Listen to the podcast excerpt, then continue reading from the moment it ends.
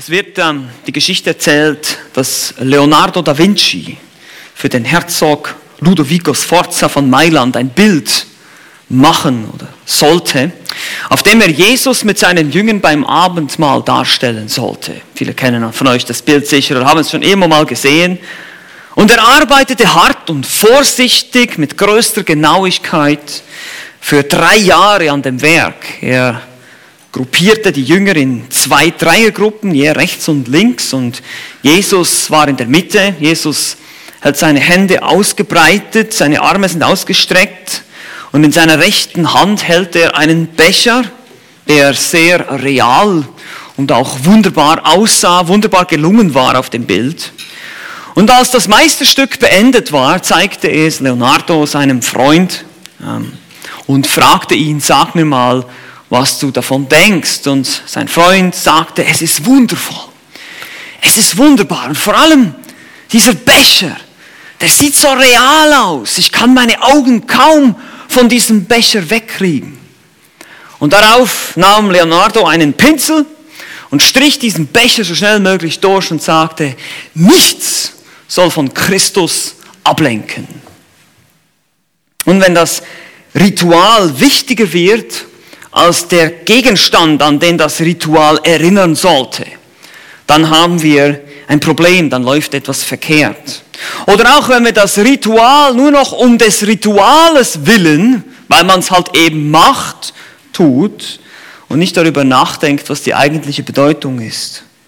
Oder wenn wir es eben auch in einer falschen, unwürdigen Art und Weise tun, ist es ebenfalls nutzlos. Und so gibt es in der Kirchengeschichte unzählige Beispiele davon, wie es zu diesem Missbrauch kam, dass das Ritual wichtiger wurde als der Herr selbst.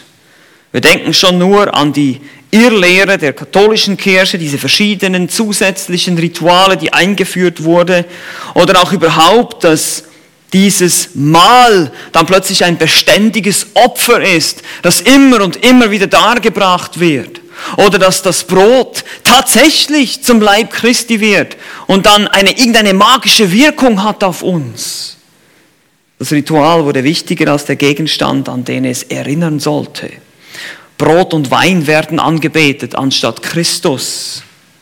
Und so war es auch in Korinth ein Problem, in dem Text, den wir uns heute anschauen, dass die Korinther ähm, wir haben das auch schon gehört, ein Problem hatten mit sozialen Klassenunterschieden. Das war ganz wichtig. Es war eine Ehre und Schande Gesellschaft.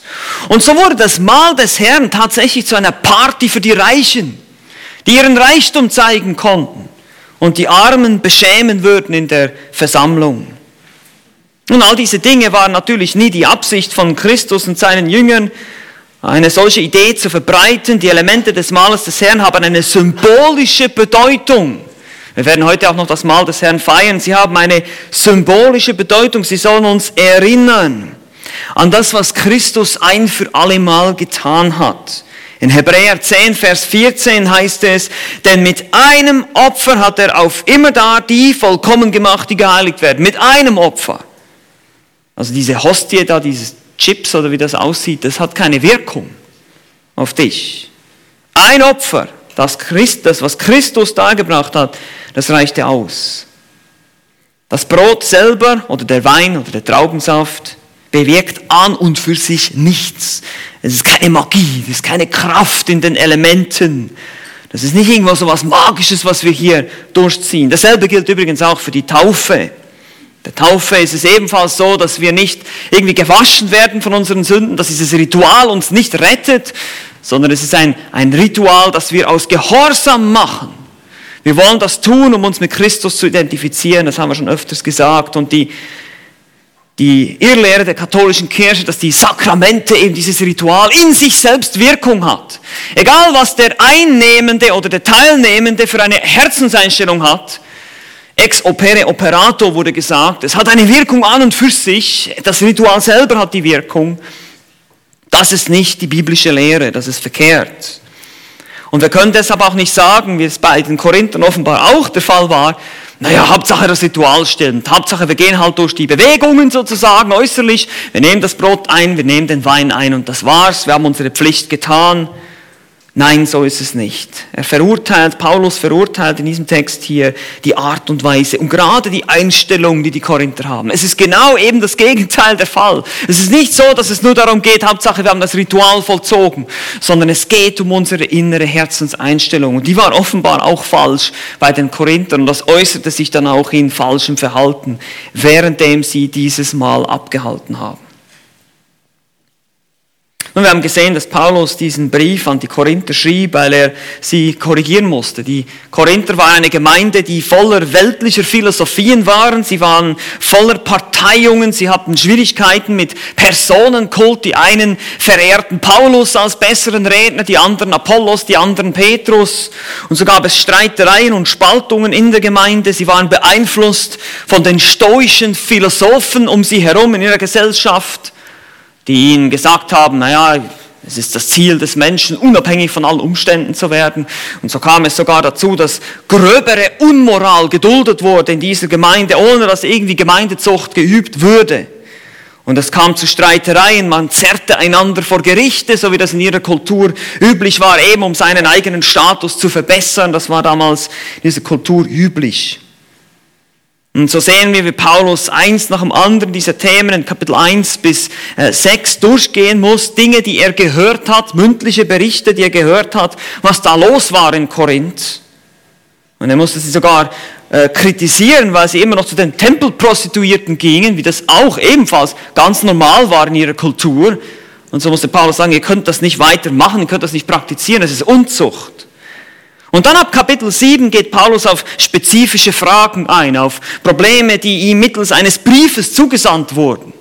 Er muss darauf eingehen, was sie ihm geschrieben haben, auf Fragen, die ihm nicht klar waren. Und so geht er da auf verschiedenste Themen ein. Wir haben das alles gesehen schon über Ehe und Ehescheidung, über soziale Revolution, über die Frage nach den Jungfrauen, christliche Freiheit, auch Götzendienst, Mitläufertum in Kapitel 10.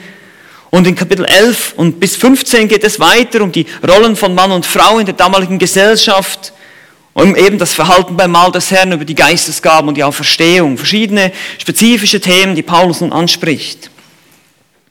Und heute und nächstes Mal wollen wir uns mit der Frage beschäftigen, die Paulus hier in Kapitel 11, in den Versen 17 bis 34 anspricht. Die Frage nach dem Mahl des Herrn. Lasst uns den Text gemeinsam lesen in 1. Korinther, Kapitel 11, wenn ihr noch nicht da seid, dürft ihr gerne da aufschlagen. 1. Korinther, Kapitel 11, an die Verse 17 bis und mit 34. Hier heißt es, indem ich aber dieses vorschreibe, lobe ich nicht, weil er nicht zum Besseren, sondern zum Schlechteren zusammenkommt. Denn zuerst einmal, wenn ihr als Versammlung zusammenkommt, höre ich, es seien Spaltungen unter euch. Und zum Teil glaube ich es. Denn es müssen auch Parteiungen unter euch sein, damit die Bewährten unter euch offenbar werden.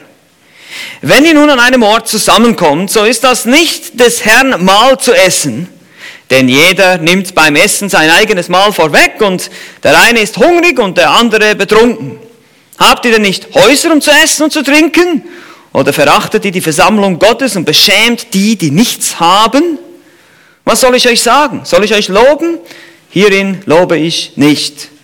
Denn ich habe von dem Herrn empfangen, was ich auch euch überliefert habe, dass der Herr Jesus in der Nacht, in der er überliefert wurde, Brot nahm und als er gedankt hatte, er brach und es brach und sprach, dies ist mein Leib, der für euch ist, dies tut zu meinem Gedächtnis. Ebenso auch den Kelch nach dem Mahl und sprach, dieser Kelch ist der neue Bund in meinem Blut. Dies tut, so oft ihr trinkt, zu meinem Gedächtnis. Denn so oft ihr dieses Brot esst und den Kelch trinkt, verkündigt ihr den Tod des Herrn, bis er kommt. Wer also irgend das Brot isst oder den Kelch des Herrn trinkt, in unwürdiger Weise, wird des Leibes und des Blutes des Herrn schuldig sein. Jeder aber prüfe sich selbst, und so esse er von dem Brot und trinke von dem Kelch. Denn wer unwürdig ist und trinkt, isst und trinkt sich selbst Gericht, indem er den Leib nicht unterscheidet. Deshalb sind viele unter euch schwach und krank und ein Gutteil sind entschlafen. Wenn wir uns aber selbst beurteilten, so würden wir nicht gerichtet.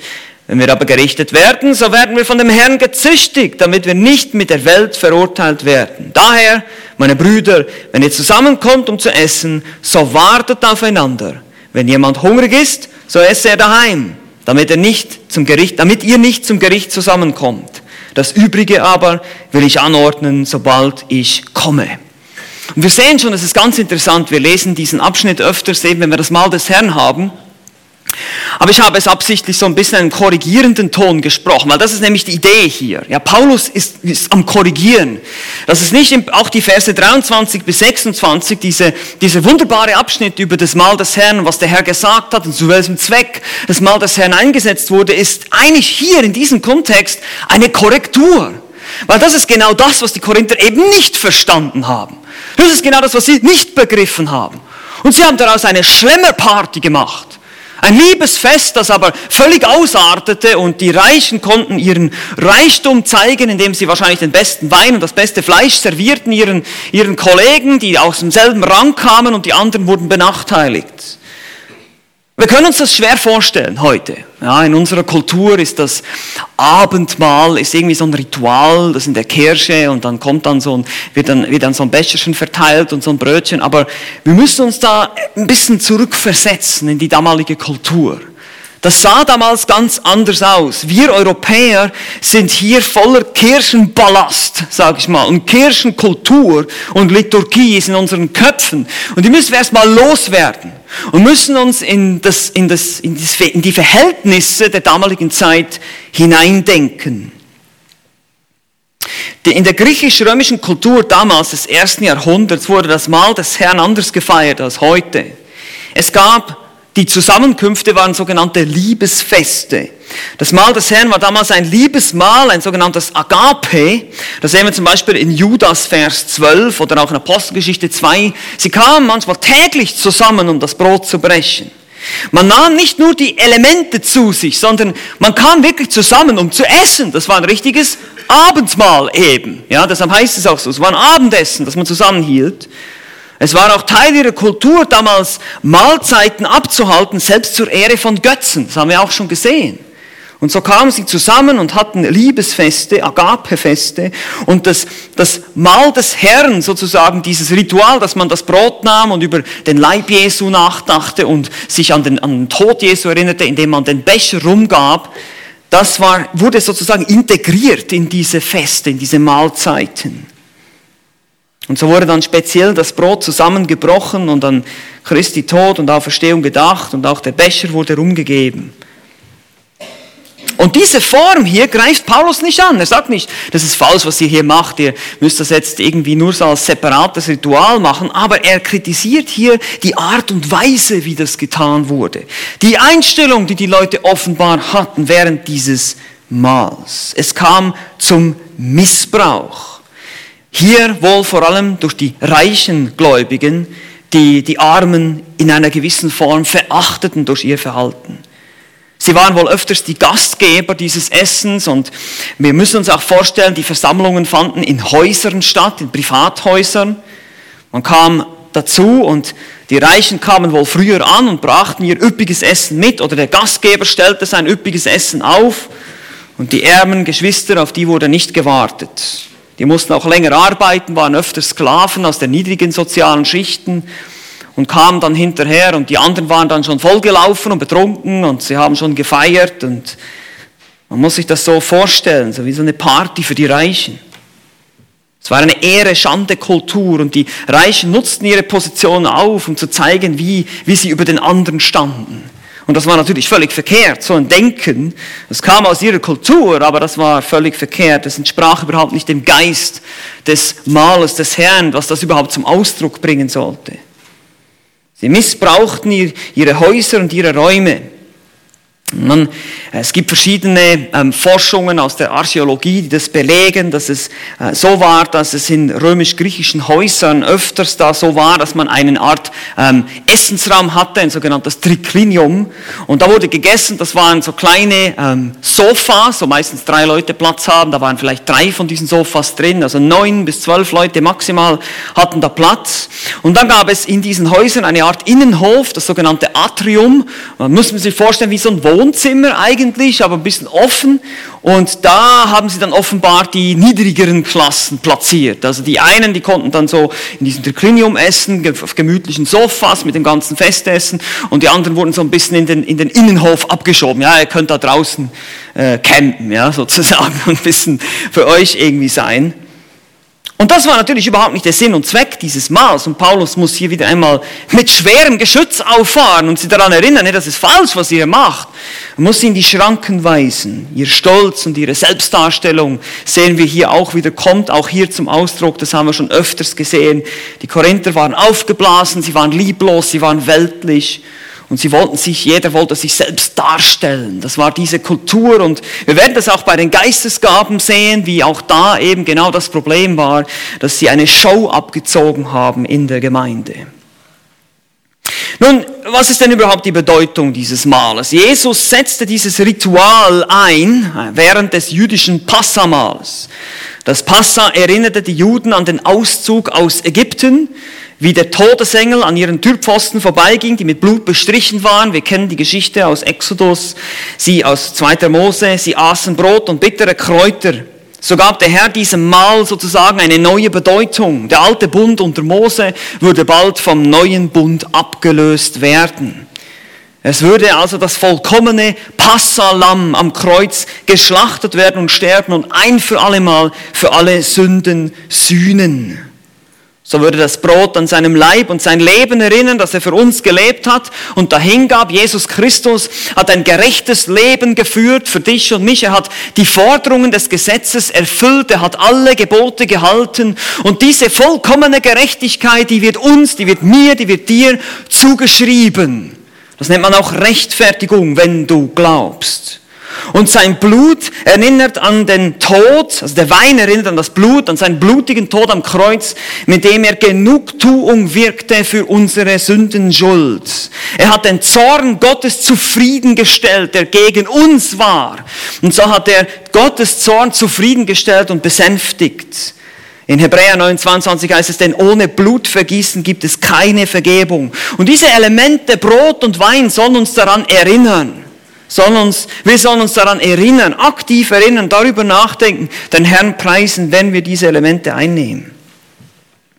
Und so war dies natürlich ein Missbrauch dieses wunderbaren Liebesfestes. Natürlich war das ein Schlag ins Gesicht für alles, wofür es stand, für die Gnade Gottes, für das Opfer, das Jesus gebracht hat, die Hingabe, mit der Jesus uns geliebt hat. Und jetzt sieht man, jetzt schaut man auf, den, auf dieses, auf dieses, dieses selbstdarstellerische, egoistische Fest der Korinther und sagt, das hat überhaupt nichts damit zu tun. Deshalb sagt Paulus auch, das ist nicht das Mahl des Herrn, zu dem er hier zusammenkommt.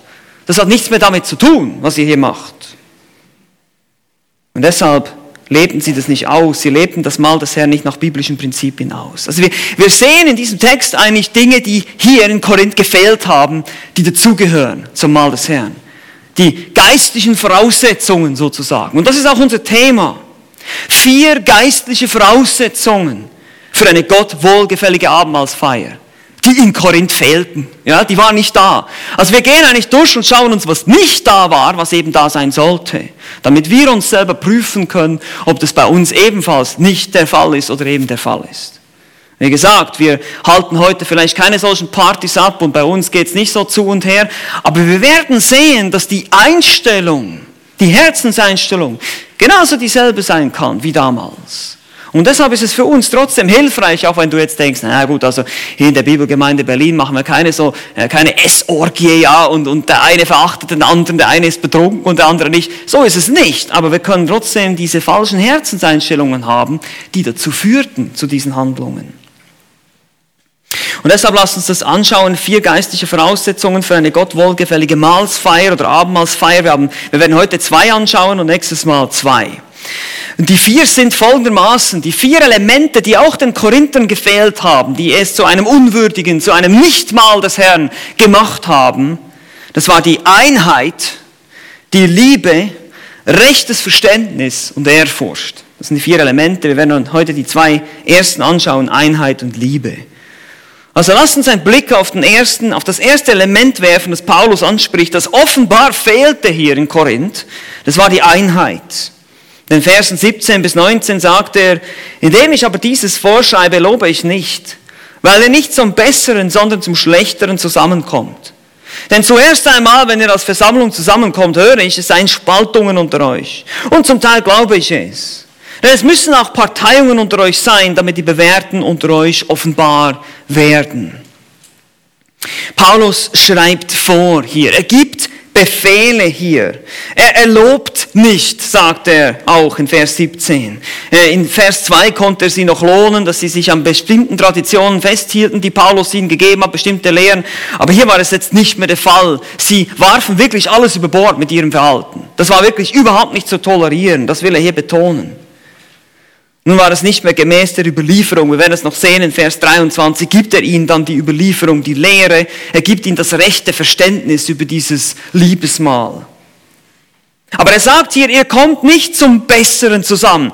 Nicht zum Vorteil, sondern zum Schlechteren, zu eurem Nachteil kommt ihr zusammen. Mit anderen Worten, wenn ihr euch so versammelt, könnt ihr es gleich lassen. Könnt ihr es gleich vergessen. Das bringt überhaupt nichts. In Vers 18 fährt er fort, zuerst einmal, man kann auch sagen als erstes, und interessanterweise spricht er dann nie von etwas Zweitem. Normalerweise, wenn wir sagen, erstens höre ich das und das und das, erwartet man doch ein Zweitens und ein Drittens vielleicht. Ne? Aber Paulus sagt hier nur, erstens höre ich, und dann geht er rein in die ganze Thematik und am Schluss sagt er dann nur noch, und den Rest werde ich, werde ich regeln, wenn ich komme. Ja, also er geht nicht mehr zum zweiten Punkt, weil dieser erste Punkt so wichtig ist. Er sagt, das, das müsst ihr wirklich verstehen. Das müsst ihr wirklich verstehen. Und es gibt hier wieder mal Spaltungen. Ihr seid gespalten aufgrund von Streit, ist die Idee hier. Nun, wir haben gesehen ganz am Anfang vom Korintherbrief, dass Paulus den Personenkult anspricht, dass es die Parteiungen gab.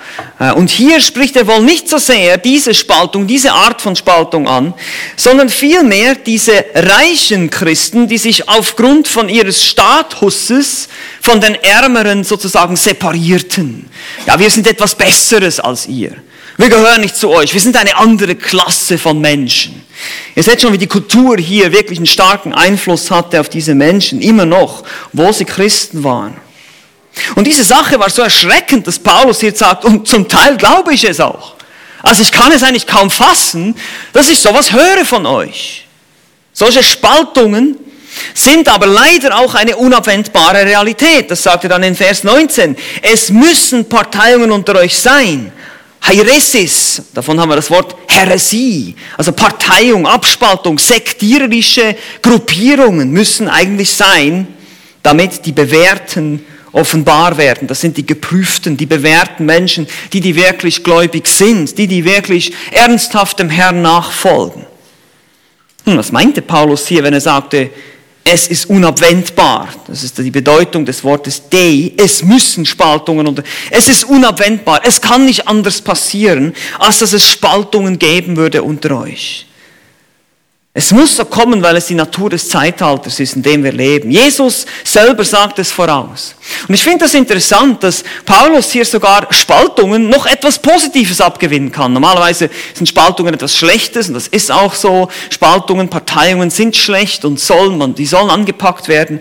Aber er sagt hier eine interessante Sache. Er sagt, das ist irgendwo hat es auch einen reinigenden Effekt in der Gemeinde, wenn es solche Spaltungen gibt, weil die Bewährten werden wie getrennt von den Unbewährten. Der Spreu wird vom Weizen getrennt. Diejenigen, die es wirklich ernst meinen, die zeigen sich durch ihr Verhalten und die anderen streiten und, und, und kämpfen weiter und die zeigen damit, wie unreif, wie fleischlich sie eigentlich noch sind oder dass sie sogar ungläubig sind. Und gerade heute in unserer friedliebenden, harmoniesüchtigen Kultur, wo jeder alles tolerieren muss, wo man niemandem irgendwas sagen darf, egal wie daneben, verkehrt oder pervers er sich auch benimmt, ist es wichtig, dass wir das verstehen. Paulus sieht darin auch positive Dinge. Wenn Leute konfrontiert werden, wenn es Parteiungen gibt, wenn es Spaltungen gibt, wir müssen das hören. Die Bewährten werden offenbar. Jesus sagte auch, denkt nicht, dass ich gekommen sei, Frieden auf die Erde zu bringen. Ich bin nicht gekommen, Frieden zu bringen, sondern das Schwert.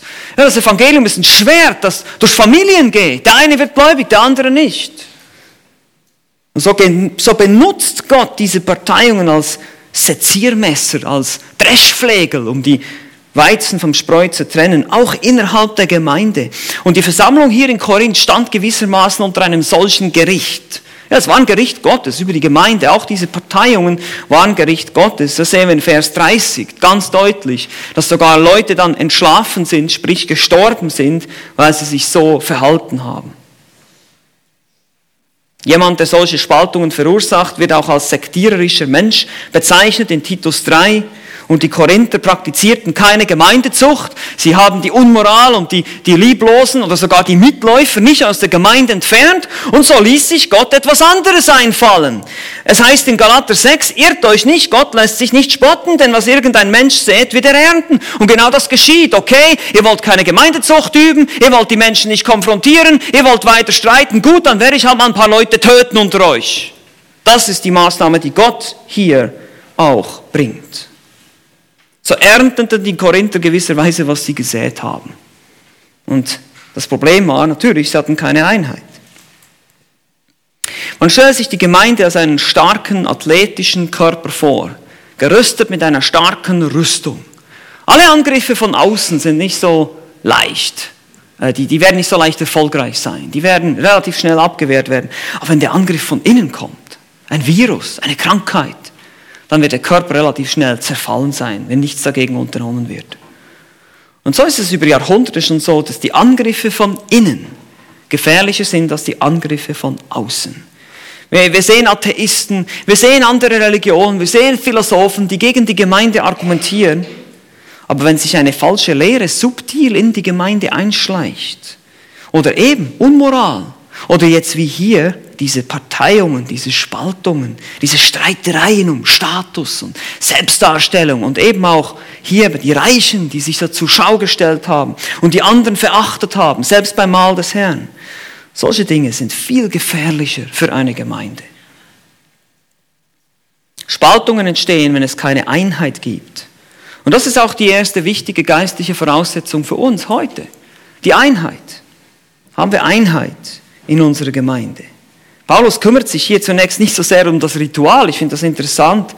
Er kritisiert, wie gesagt, nicht die Form und Art und Weise, nur natürlich die, die Auswüchse und die, die Dinge, die eben die falschen Einstellungen zum Vorschein bringen. Aber er kritisiert sie nicht für die Art von Brot, die sie verwenden oder wie auch immer, aber er geht direkt zur Herzenseinstellung. Es ist kein Konkurrenzkampf. Es sollte keine Verachtung, kein Streit stattfinden, weil es gab keine Einheit. Und wie können wir Einheit bewahren in der Gemeinde? In Epheser 4, Verse 1 bis 2 gibt uns Paulus praktische Hinweise. Und da sehen wir vier Aspekte. In Epheser 4, 1 bis 2 heißt es, ich ermahne euch nun, ich, der Gefangene im Herrn, dass ihr würdig wandelt der Berufung, mit der ihr berufen worden seid, mit aller Demut, Sanftmut und Langmut, einander ertragend in Liebe, euch befleißigen, die Einheit des Geistes zu bewahren in dem Band des Friedens. Wir sehen mindestens vier Aspekte hier. Das sind einfach vier Anwendungen jetzt für dich. Wie kann ich sehen oder auch erkennen, wie können wir als Gemeinde sehen, ob wir wirklich Einheit pflegen? Weil die Einheit, die beruht nicht auf Kompromissen. Ja? Und das ist der erste Punkt hier, Wahrheit. Eine Einheit muss auf Wahrheit basieren. Paulus spricht von der Berufung zum würdigen Wandel hier in Epheser 4. Und deshalb müssen wir gemäß seinem Wort wandeln. Und genauso war die Abendmahlsfeier hier nicht gemäß seinem Wort, gemäß dem, was Paulus überliefert hatte. Sie haben das anders gemacht. Wahre Einheit kann nur unter Erretteten entstehen. Also es geht nicht darum, dass wir den kleinsten gemeinsamen Nenner suchen, sondern wir stellen uns alle gemeinsam unter Gottes Wort. Gottes Wort ist unsere Autorität. Der Herr Jesus Christus regiert seine Gemeinde durch sein Wort. Und wir stellen uns alle drunter. Und dann haben wir Einheit. Nicht, wenn wir irgendwie kompromittieren und ja, und das kann man anders sehen und das kann man anders sehen, das sind wir tolerant und hier sind wir tolerant, weil so entstehen Spaltungen. So gibt es dann hundert verschiedene Meinungen und dann auch hundert verschiedene Parteien in der Gemeinde. Das ist keine Einheit. Einheit entsteht in der Wahrheit. In der Wahrheit müssen wir stehen. Wie entsteht auch noch Einheit? Zweiter Unterpunkt hier, Demut und Sanftmut. Ja, nehmt das ein bisschen zusammen hier. Einfach als praktische Anwendung. Demut. Das ist die Einstellung, nicht mehr von mir zu denken, als ich zu denken gebührt. Nun, was bin ich? Ich bin ein Sünder. Ich bin begnadigt. Ähm, ich bin ein begnadigter Sünder. Ich habe nichts verdient als den Tod. Ich war geistlich tot, ich bin nichts wert, ich tauge nichts. Ihr könnt Römer 3 anschauen, Römer 3, Vers 10. Ich bin nicht gerecht, ich tauge nichts, ich habe keinen Wert in mir selbst, aber der Herr hat sich erbarmt. Er hat mich gerettet. Und das ist das, was wir zum Ausdruck bringen, vor allem gerade beim Mahl des Herrn. Und wenn wir darüber nachdenken, wer wir sind, dann werden wir demütig. Demütig sein heißt, ich schaue nicht mehr auf mich selbst, sondern auf die anderen. Und das führt dann auch drittens zu Langmut, oder man kann auch sagen Geduld. Wir brauchen viel Geduld von dem Herrn. Ihr wisst, wie langsam wir alle lernen und deshalb müssen wir auch viel Geduld miteinander haben. Und dann auch Liebe. Die selbstlose Liebe sucht eben nicht das ihre, sondern das des anderen. Die Einstellung, die Christus hatte, die auch beim Mahl des Herrn zum Ausdruck kommt. Er hat sich selbst hingegeben, er hat nichts zurückgehalten, er hat sein ganzes Leben für dich und mich gegeben. Und genau so sollen wir auch sein. Und so wird Einheit sein in der Gemeinde. Und das bringt uns jetzt schon gleich zum zweiten Punkt, der den Korinthern fehlte, weil sie, warum hatten sie keine Einheit? Weil ihnen fehlte ein ganz wichtiges Element und das ist die Liebe. Das ist die Liebe. In Verse 20 bis 22. Hier wiederum, wir sehen das, was in Korinth fehlte. Hier heißt es in Vers 20 bis 22, wenn ihr nun am selben Ort zusammenkommt, so geschieht das doch nicht, um das Mahl des Herrn zu essen, denn jeder nimmt beim Essen sein eigenes Mahl vorweg, so dass der eine hungrig, der andere betrunken ist. Habt ihr denn keine Häuser, wo ihr essen und trinken könnt? Oder verachtet ihr die Gemeinde Gottes und beschämt die, welche nichts haben? Was soll ich euch sagen? Soll ich euch etwa loben? Dafür lobe ich euch nicht. Es fehlte den Korinthern an Einheit, weil es den Korinthern an Liebe fehlte, an gegenseitiger Rücksichtsnahme, an gegenseitiger, gegenseitigem Wohlgesinntsein, dem anderen den Vortritt lassen. Das wäre die Liebe gewesen. Stattdessen kämpfte jeder für seinen Status. Ich will bemerkt werden in der Gemeinde. Ich will, dass die Leute sehen, wie gut ich bin oder wie, wie sehr ich leide oder wie fromm ich bin, was auch immer. Und so war es auch hier. Er sagt, wenn ihr nun am selben Ort zusammenkommt, wenn ihr euch versammelt, wie gesagt, Christen versammelten sich damals in Häusern, um das Mahl des Herrn zu feiern. So ist es nicht, das Mahl des Herrn. Ihr feiert eine Privatparty. Es ist reine Selbstdarstellung eures Reichtums. Sie bevorzugt eure reichen Freunde und die Armen können in den Mond schauen. Die haben nichts mehr, die kriegen nichts mehr. Oder das, was übrig bleibt. Das Wort Mahl hier, Deipnon, bezeichnet eine Mahlzeit, wie schon gesagt. Das war eine Feier, ein Essen. Die Leute kamen zusammen, um wirklich gemeinsam zu essen.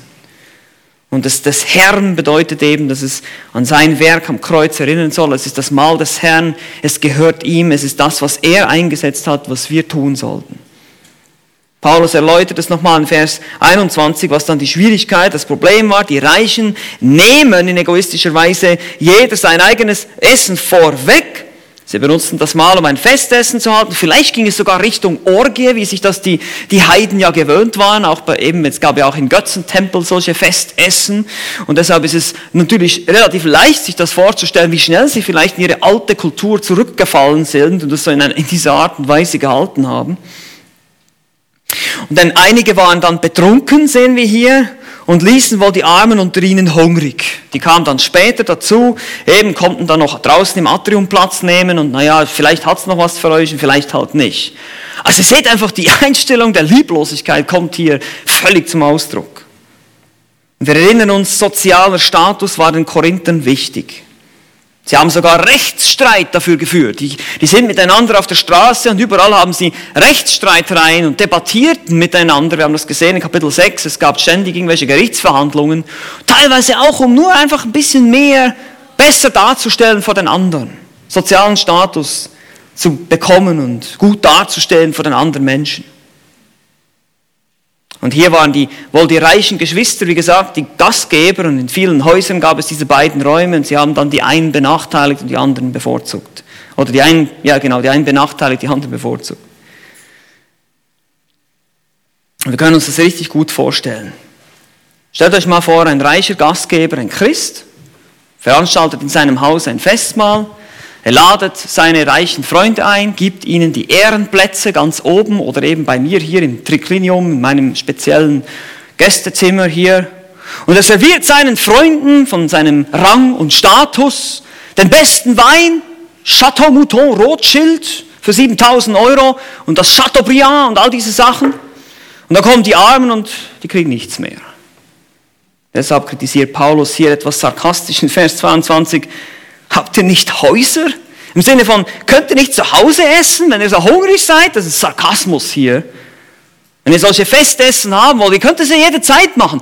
Aber ihr müsst es ja nicht vor den Augen der Armen machen.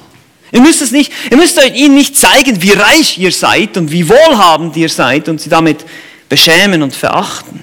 Das ist einfach lieblos. Das sagt Paulus hier. Ihr könnt euch zuerst zu Hause pflegen und dann, oder vielleicht zu Hause in diesem Haus ein Fest essen, dann kommt ihr dann zusammen und habt einfach, feiert einfach das Mahl des Herrn. Die armen Menschen damals hatten oft auch keine eigenen Küchen. Die haben nur so tragbare Grills gehabt oder kauften etwas auf dem Markt. Die haben ganz kleine Wohnungen gehabt. Und ihr seht schon diese, diese Diskrepanz, diese Unterschiede zwischen, zwischen den reichen Klassen und den armen Klassen, die, die kamen jetzt alle zusammen hier in der Gemeinde, waren alle zusammen Teil einer dieser Gemeinde. Und so mussten die einen oder sollten die einen Rücksicht nehmen auf die anderen. Aber er sagt hier, Paulus in Vers 22, zwei Dinge tut ihr. Ihr verachtet die Versammlung und ihr beschämt die Armen. Wie gesagt, die sozialen Unterschiede hier, die Ehre-Schande-Kultur kommt hier zum Tragen. Sie mussten zeigen, wie reich sie sind und demütigten die anderen. Und die Gemeinde Jesus sollte keine solchen sozialen Unterschiede mehr machen. Zumindest nicht, wenn es um die Errettung geht. Nicht, dass wir alles aufheben, das haben wir auch schon gesehen. In Kapitel 7 ermahnt Paulus die Sklaven, dass sie sich nicht befreien sollen und jetzt keine Sklaven mehr sein wollen. Die sollen weiter Sklaven bleiben und da sind, da dienen, wo sie sind. Aber wenn wir zum Mahl des Herrn kommen oder als Gemeinde uns versammeln, dann sollten wir nicht aufeinander blicken, oh, der ist von der Müllabfuhr und oh, der ist Anwalt oder was auch immer.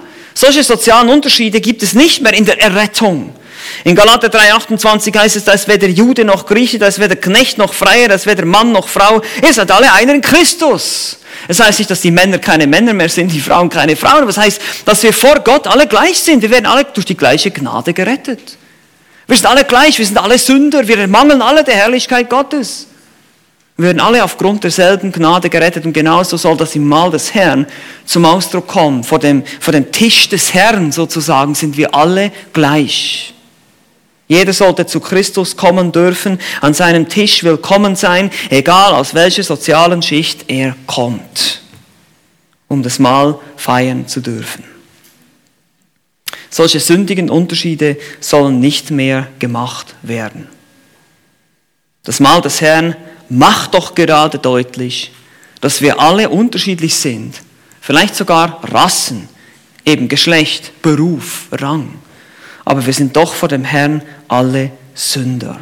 Römer 3, Vers 23, alle haben gesündigt und verfehlen die Herrlichkeit, die sie vor Gott haben sollten. Wir erreichen den Maßstab nicht. Wir können nicht so heilig sein wie Gott. Wir leben nicht so heilig, wie Gott es von uns fordert. Wir können alle seine Gesetze nicht halten, nicht in vollkommener Art und Weise. Und deshalb musste Jesus sterben. Und das gilt für den Beamten wie für den Mitarbeiter bei der Müllabfuhr. Das gilt für die Putzhilfe und für den Arzt. Ob Frau Frau oder Mann, jung oder alt, sportlich oder nicht sportlich, alle sind gleich. Sie sind alle Sünder. Und sie werden alle aus Gnade gerettet durch den Glauben und das nicht aus euch Gottes Gabe ist es. Epheser 2, Vers 8. Das ist die Idee des Abendmahls. Daran soll es erinnern. Wir sind alle eins in Christus, weil er uns geliebt hat. Und deshalb lieben wir nun auch. Wie ich bereits gesagt habe, wahre christliche, selbstlose Liebe bringt Einheit. Und es qualifiziert uns eben auch für das Mahl des Herrn. Das ist genau die Voraussetzung, dass Liebe untereinander da ist, dass Einheit untereinander da ist. Sonst ist es kein Mahl des Herrn, sonst ist es nur ein leeres Ritual. Es ist, wir gehen nur durch das Ritual, ohne dass unser Herz dabei ist. Mit den Lippen lobt mich dieses Volk, aber mit dem Herzen ist es weit von mir, hat Gott gesagt. Und das wollen wir nicht. Und so war es auch hier. Christus hat sich aus Liebe dahingegeben für alle, die glauben, egal aus welcher Rasse, sozialem Status, Geschlecht sie auch immer kommen. Jakobus beschreibt im Jakobusbrief eine ähnliche Situation da haben wir schon gehört, darüber haben wir schon, hat Dieter schon ausführlich gesprochen. Ich möchte euch nur daran erinnern, auch unter den jüdischen Christen gab es diese Probleme, wie auch unter den heidnischen Christen. In Jakobus 2 lesen wir in Versen 1 bis 3, meine Brüder, verbindet den Glauben an unseren Herrn Jesus Christus, den Herrn der Herrlichkeit, nicht mit Ansehen der Person denn wenn in eure Versammlung ein Mann käme mit goldenen Ringen in prächtiger Kleidung, es käme aber auch ein Armer in unsauberer Kleidung, und ihr würdet euch nach dem umsehen, der die prächtige Kleidung trägt, und zu ihm sagen, setze dich hier auf diesen guten Platz. Zu dem Armen aber würdet ihr sagen, bleibe du dort stehen, setze dich hier auf meinen Fußschemmel. Das ist so ähnlich wie in Korinth. Komm, setze dich hier zu mir ins Triclinium, in mein wunderbares Abendessenzimmer hier, und du kannst, ja, du bleibst draußen im Atrium. Das ist genau dieselbe, dieselben Unterschiede hier. Und deshalb fragt Jakobus auch in Vers 4, würdet ihr da nicht Unterschiede unter euch machen und nach verwerflichen Grundsätzen richten? Und schließlich auch noch in Vers 9, wenn ihr aber die Person anseht, so begeht ihr eine Sünde und werdet vom Gesetz als Übertreter verurteilt, sagt Jakobus. Es ist Sünde. Es ist ganz einfach Sünde. Und deshalb war auch die Mahlsfeier der Korinther für Gott nicht annehmbar, weil sie genau solche Unterschiede machten untereinander. Und deshalb standen die Korinther auch unter einem Gericht hier. Sie haben das Mahl des Herrn unwürdig eingenommen. Das bedeutet auf eine unwürdige Art und Weise. Hier geht es nicht in erster Linie darum, dass das Ritual nicht stimmte, sondern die Einstellung, die sie hatten und mit welcher Herzenseinstellung sie das taten. Das war das Problem. Es war ein Mangel an Liebe zu Gott der den Armen schuf, genauso wie den Reichen, und natürlich zum Nächsten, zum Bruder, den sie verachteten. Liebe. Selbstlose Liebe ist also die zweite geistliche Voraussetzung für ein Gott wohlgefällige Mahl des Herrn Feier. Und wie gesagt, in der heutigen Zeit haben wir keine Mahlsfeier mehr in diesem Stil ja, wir werden jetzt hier nicht gleich, wir werden ja heute auch noch das Mahl des Herrn feiern, wir werden jetzt nicht gleich Tische umbauen, obwohl das auch mal cool wäre, das zu tun, ja. Das sage ich nicht, dass wir das nicht tun können. Es ist einfach nur, dass unsere Geschwister der ECG da nicht so Freude hätten, wenn wir hier immer noch gemütlich am Essen sind, wenn sie kommen. Ja, aber wir tun das nicht mehr. Wir haben auch keine solchen Häuser, wo wir vielleicht eben dann das zum Ausdruck bringen können, dass ich da verschiedene Räume habe und den einen setze ich hier hin, den anderen setze ich da hin und zeige damit, dass du mir wichtiger bist als du und du bist eher, entsprichst meinem Niveau und du nicht. Aber wir können das immer noch tun in unserem Herzen. Wir können das auf eine andere Art und Weise tun. Wir können immer noch so denken übereinander. Wir können trotzdem solche ungerechten Unterschiede machen untereinander. Wir können auch noch sozial Schwache verachten, generell schlechte Einstellungen gegenüber einer bestimmten Person haben, wegen einer bestimmten Sache. Wir müssen das bekennen vor dem Herrn, Buße tun darüber, um eine richtige Einstellung zu haben. Ihr wisst ja, wie das ist. Wir Christen, wir sündigen auch. Wir sind nicht perfekt. Und wir werden einander auch verletzen in der Gemeinde. Wir werden gegeneinander sündigen. Wir sind nicht vollkommen. Und wir müssen auch einander wieder vergeben, genauso wie Christus mir vergeben hat. Kein Mensch kann je so stark gegen mich sündigen, so wie ich selbst gegen Gott gesündigt habe. Keiner. Und deshalb kann ich auch und will ich auch die Sünde vergeben, weil ich weiß, wie viel mehr Sünde Christus mir vergibt. Nicht nur einmalig, sondern jeden Tag. Und daran wollen wir denken, wenn wir das Mal des Herrn einnehmen. Wir wollen unsere Einstellung prüfen. Wie denkst du von den anderen in der Gemeinde? Vielleicht von denen, die weniger gut gebildet sind als du? Sind sie weniger wert? Sprechen sie nicht meinem Niveau? Meide ich bestimmte Leute? Wahre Liebe tut es nicht. Und wenn wir mit einer solchen falschen Einstellung das Mal des Herrn einnehmen, dann gefällt es Gott auch nicht. Ihr seht schon, es ist ganz wichtig, was wir für eine Einstellung haben, was wir in unserem Herzen haben. Das sagt Paulus auch in Vers 28, jeder prüfe was? Sich selbst. Bevor wir jetzt zusammen das Mahl einnehmen, prüfe dich selbst. Wie sieht es in deinem Herzen aus? Nicht gucke auf den anderen, was der, der nimmt auch das Mal ein. Nein, wir, wir gucken dich hier nicht. Und wenn du sagst, nee, ich, Moment, ich weiß nicht, ob ich wirklich gläubig bin, ob ich Christus schon kenne oder nicht, oder ich weiß nicht, ob ich wirklich die richtige Einstellung habe, dann nimm es nicht ein. Das ist okay, es wird dich keiner irgendwie schräg anschauen, aber wir wollen nicht, dass jemand hier unter uns sitzt, der das Gefühl hat, er muss das jetzt machen, weil alle anderen tun es ja auch. Nein, das wäre völlig verkehrt. Du sollst die Einstellung haben, du sollst die Liebe zu Gott haben. All diese Dinge sollen in deinem Herzen sein. Wir werden sehen, rechtes Verständnis und Ehrfurcht kommt dann auch noch dazu nächstes Mal. Aber verstehst du, es ist ein Selbstprüfungsmal. Du prüfst dich selbst. Bin ich wirklich Christ? Bin ich überhaupt gläubig? Ja? Kenne ich den Herrn Jesus Christus? Oder muss ich erst Buße tun? Soll ich erst, muss ich erst einsehen, dass ich ein Sünder bin und Gottes Gebote gebrochen habe und Vergebung meiner Schuld brauche und die, Christus am Kreuz bezahlt hat, dass ich auf ihn vertraue, dass er mir hilft, mir meine Sünden zu vergeben, mich rechtfertigt vor dem Gericht Gottes? Dann nimm es bitte nicht ein, wenn das der Fall ist. Aber vielleicht auch, wenn ich eine schlechte Einstellung habe oder eben auch jemandem etwas nachtrage, nicht vergebend, eine vergebende Haltung habe, keine Liebe habe und die Einheit eigentlich zerstöre dadurch in der Gemeinde. Weil alle diese Geschwister hat Christus lieb, egal aus welcher sozialen Schicht sie auch immer kommen. Und sie kommen alle zum Tisch des Herrn, um das Mahl des Herrn zu feiern. Wie gesagt, wir haben vier geistliche Voraussetzungen, zwei haben wir jetzt angeschaut. Einheit und Liebe. Christus hat uns geliebt, deshalb lieben wir auch. meine Lieben, Liebe ist nicht in erster Linie ein Gefühl. Äh, wir waren auch nicht liebenswert, als Christus uns geliebt hat, sondern Christus hat sich entschieden zu lieben. Die Gefühle, die kommen hinterher, weil ich merke, ich tue das Richtige, ich habe ein gutes Gewissen. Aber der Punkt hier ist, Liebe ist auch eine Tat. Es ist etwas, was du tust, wofür du dich entscheidest, in der Kraft des Geistes das zu tun. Man fühlt sich nicht immer danach. Es ist Einheit und Liebe, die wir von Christus empfangen haben. Und das Mahl des Herrn macht diese Tatsache deutlich. Er hat sich für mich dahingegeben.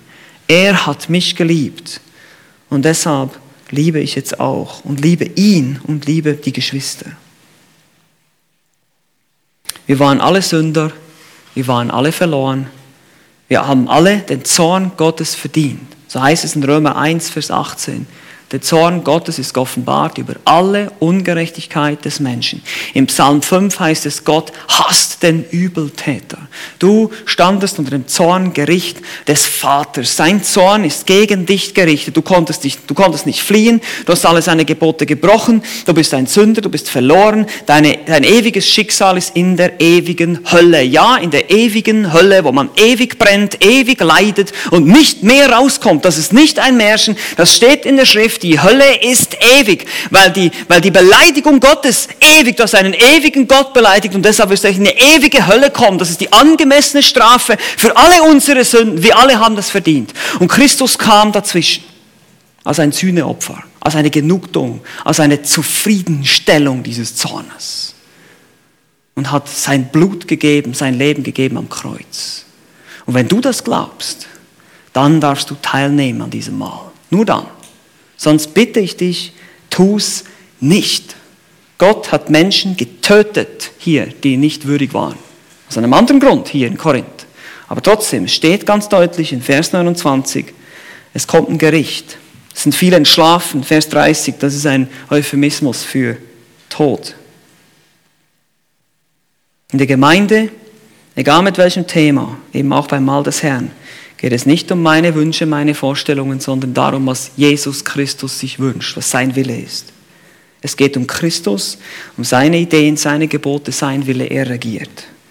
Und deshalb auch beim Mahl des Herrn, lasst uns das mit der richtigen Einstellung einnehmen.